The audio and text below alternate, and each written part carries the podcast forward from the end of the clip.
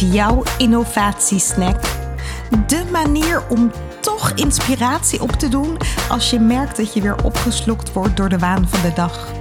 In slechts 10 minuten sta je weer helemaal aan. Ik ben Rachel Levy, jouw persoonlijke cheerleader op weg naar meer creativiteit in je werk. Om de week serveer ik je hier in Chaos in de Orde, de podcast, een smakelijk hapje van nieuwe ideeën, frisse perspectieven en inspirerende verhalen om jouw innovatiekracht te stimuleren. Dus of je nu onderweg bent naar je werk, een snelle pauze hebt tussen vergaderingen door of heel even ademhaalt met een kopje koffie. Dit is jouw korte, krachtige dosis creatieve energie. Klaar om geïnspireerd te worden?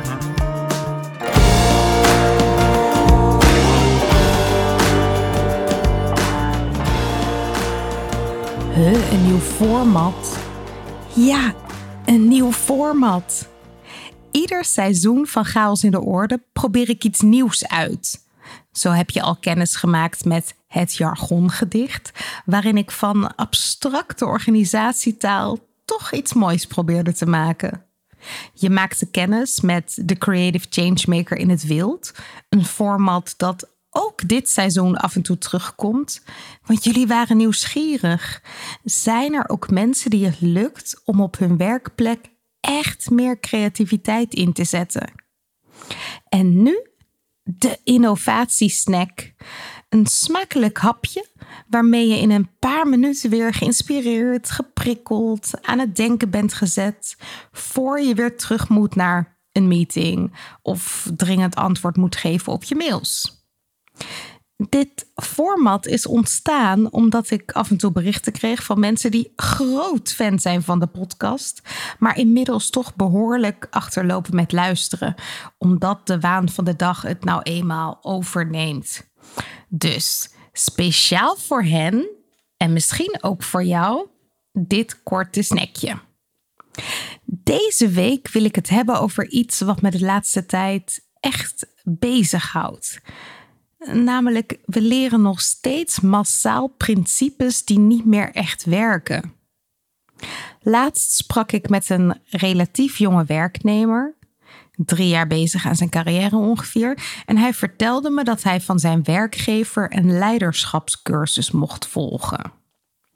En in die opleiding waren ze bezig met de zeven eigenschappen van effectieve leiders aan de hand van het werk van Stephen Covey. Waarschijnlijk heb je zelf ook wel eens iets geleerd of gedaan met die zeven eigenschappen. En de meeste van deze eigenschappen zijn nog steeds heel belangrijk voor leiders. Zoals wees proactief, doe belangrijke dingen eerst, wat ik ook vaak zeg. Zoek altijd naar de win-win en probeer eerst de ander te begrijpen voor je zelf begrepen wil worden. Maar hij noemde één eigenschap die voor mij niet meer klopt.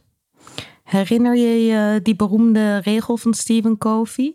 Begin met het einde voor ogen. En deze jongen met wie ik sprak vroeg mij: ja, hoe kun je dat einde voor ogen goed visualiseren? Hoe kun je dat goed verwoorden naar je collega's? En ik zei: niet. Niet echt meer. Deze aanpak dat je vooraf een duidelijke visie moet hebben, past eigenlijk niet meer in onze wereld. Het zou veel beter zijn om te zeggen: hoe kunnen we starten zonder dat we een duidelijk einde voor ogen hebben? Want volgend jaar kan onze realiteit er heel anders uitzien. Software die achterhaald is, eh, producten of diensten die niet meer nodig zijn. We kunnen veel beter werken aan onze innovatiekracht, waarbij we zonder een heel duidelijk beeld van de toekomst toch alvast beginnen te experimenteren en leren. En onderweg dan zoveel lessen opdoen dat we zo goed als mogelijk kunnen schakelen in de juiste richting. Ook als alles tussendoor ineens anders loopt. Nou, deze regel van Stephen Covey kwam natuurlijk niet uit het niets. toen hij de zeven eigenschappen van effectief leiderschap bedacht, waren we ook nog gewend aan lineaire planning. Dus op basis van resultaten en inzichten uit het verleden planden we de toekomst. Maakten we trendanalyses, deden voorspellingen.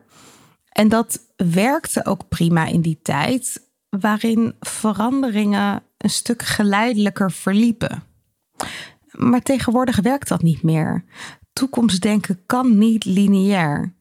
Van de ene op de andere dag wordt een globale lockdown ingevoerd en de wereld is nooit meer hetzelfde. Hup, alle scenario's de prullenbak in. Of van de ene op de andere dag, nou ja, niet helemaal van de ene op de andere dag, maar ineens is daar dan ChatGPT. En hop, alle scenario's kunnen weer de prullenbak in. Alles is nu anders. Een studie van het MIT toonde al eerder aan dat organisaties die snel kunnen reageren op veranderingen aanzienlijk succesvoller zijn dan organisaties die vasthouden aan lineaire planning. Flexibiliteit en de bereidheid om het onbekende te omarmen worden steeds belangrijker. Dus beginnen zonder duidelijk eind voor ogen. Dus hier is de snack om op te kouwen. Het is in deze tijd niet langer genoeg om visie te hebben. De wereld is vol onzekerheden. In plaats daarvan zouden we moeten investeren in de kunst van het beginnen zonder een duidelijk einde. Nou, en hoe pas je dit toe? Je mag natuurlijk best nadenken over scenario's, maar ga ervan uit dat je het niet weet. Niets is zeker. Dit geeft ongemak en spanning, maar ook veel speelruimte. Begin eens met het identificeren van een eerste beeld. Een eerste stap waarmee jullie kunnen leren over een onderwerp. Stel experimenten voor met korte leercurves. En blijf onderweg flexibel in je aanpak. Stel bij. Het beeld kan steeds weer bijgesteld worden, maar ook de aanpak kan steeds bijgesteld worden en zelfs de totale richting. In je werk en in het uh, denken over projecten in organisaties, betekent dit dat je vooral kleine stappen moet zetten en heel snel blijft evalueren. Wees niet bang om van koers te veranderen. En vraag ook aan je leiders in de organisatie om die ruimte. Om te doen wat nodig is op basis van voortschrijdend inzicht.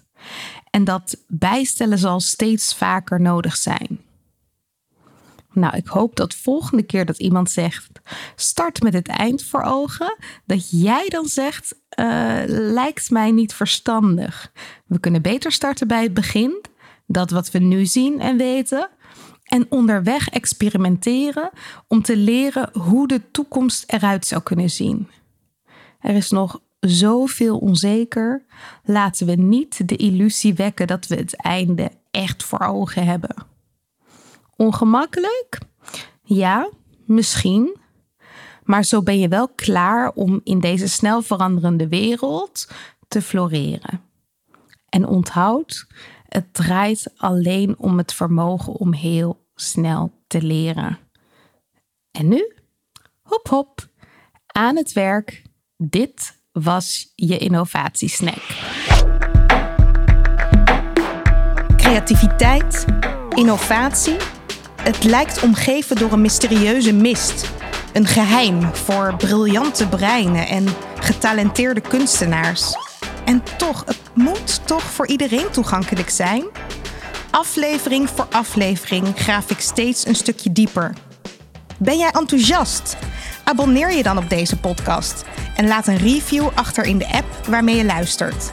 Hoe meer reviews we ontvangen, hoe meer mensen deze podcast kunnen vinden.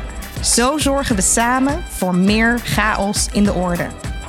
Wil jij zelf chaos in de orde brengen? Download dan gratis het e-book Chaos. 10 manieren om patronen te doorbreken. Je vindt het op chaosindeorde.nl/slash podcast.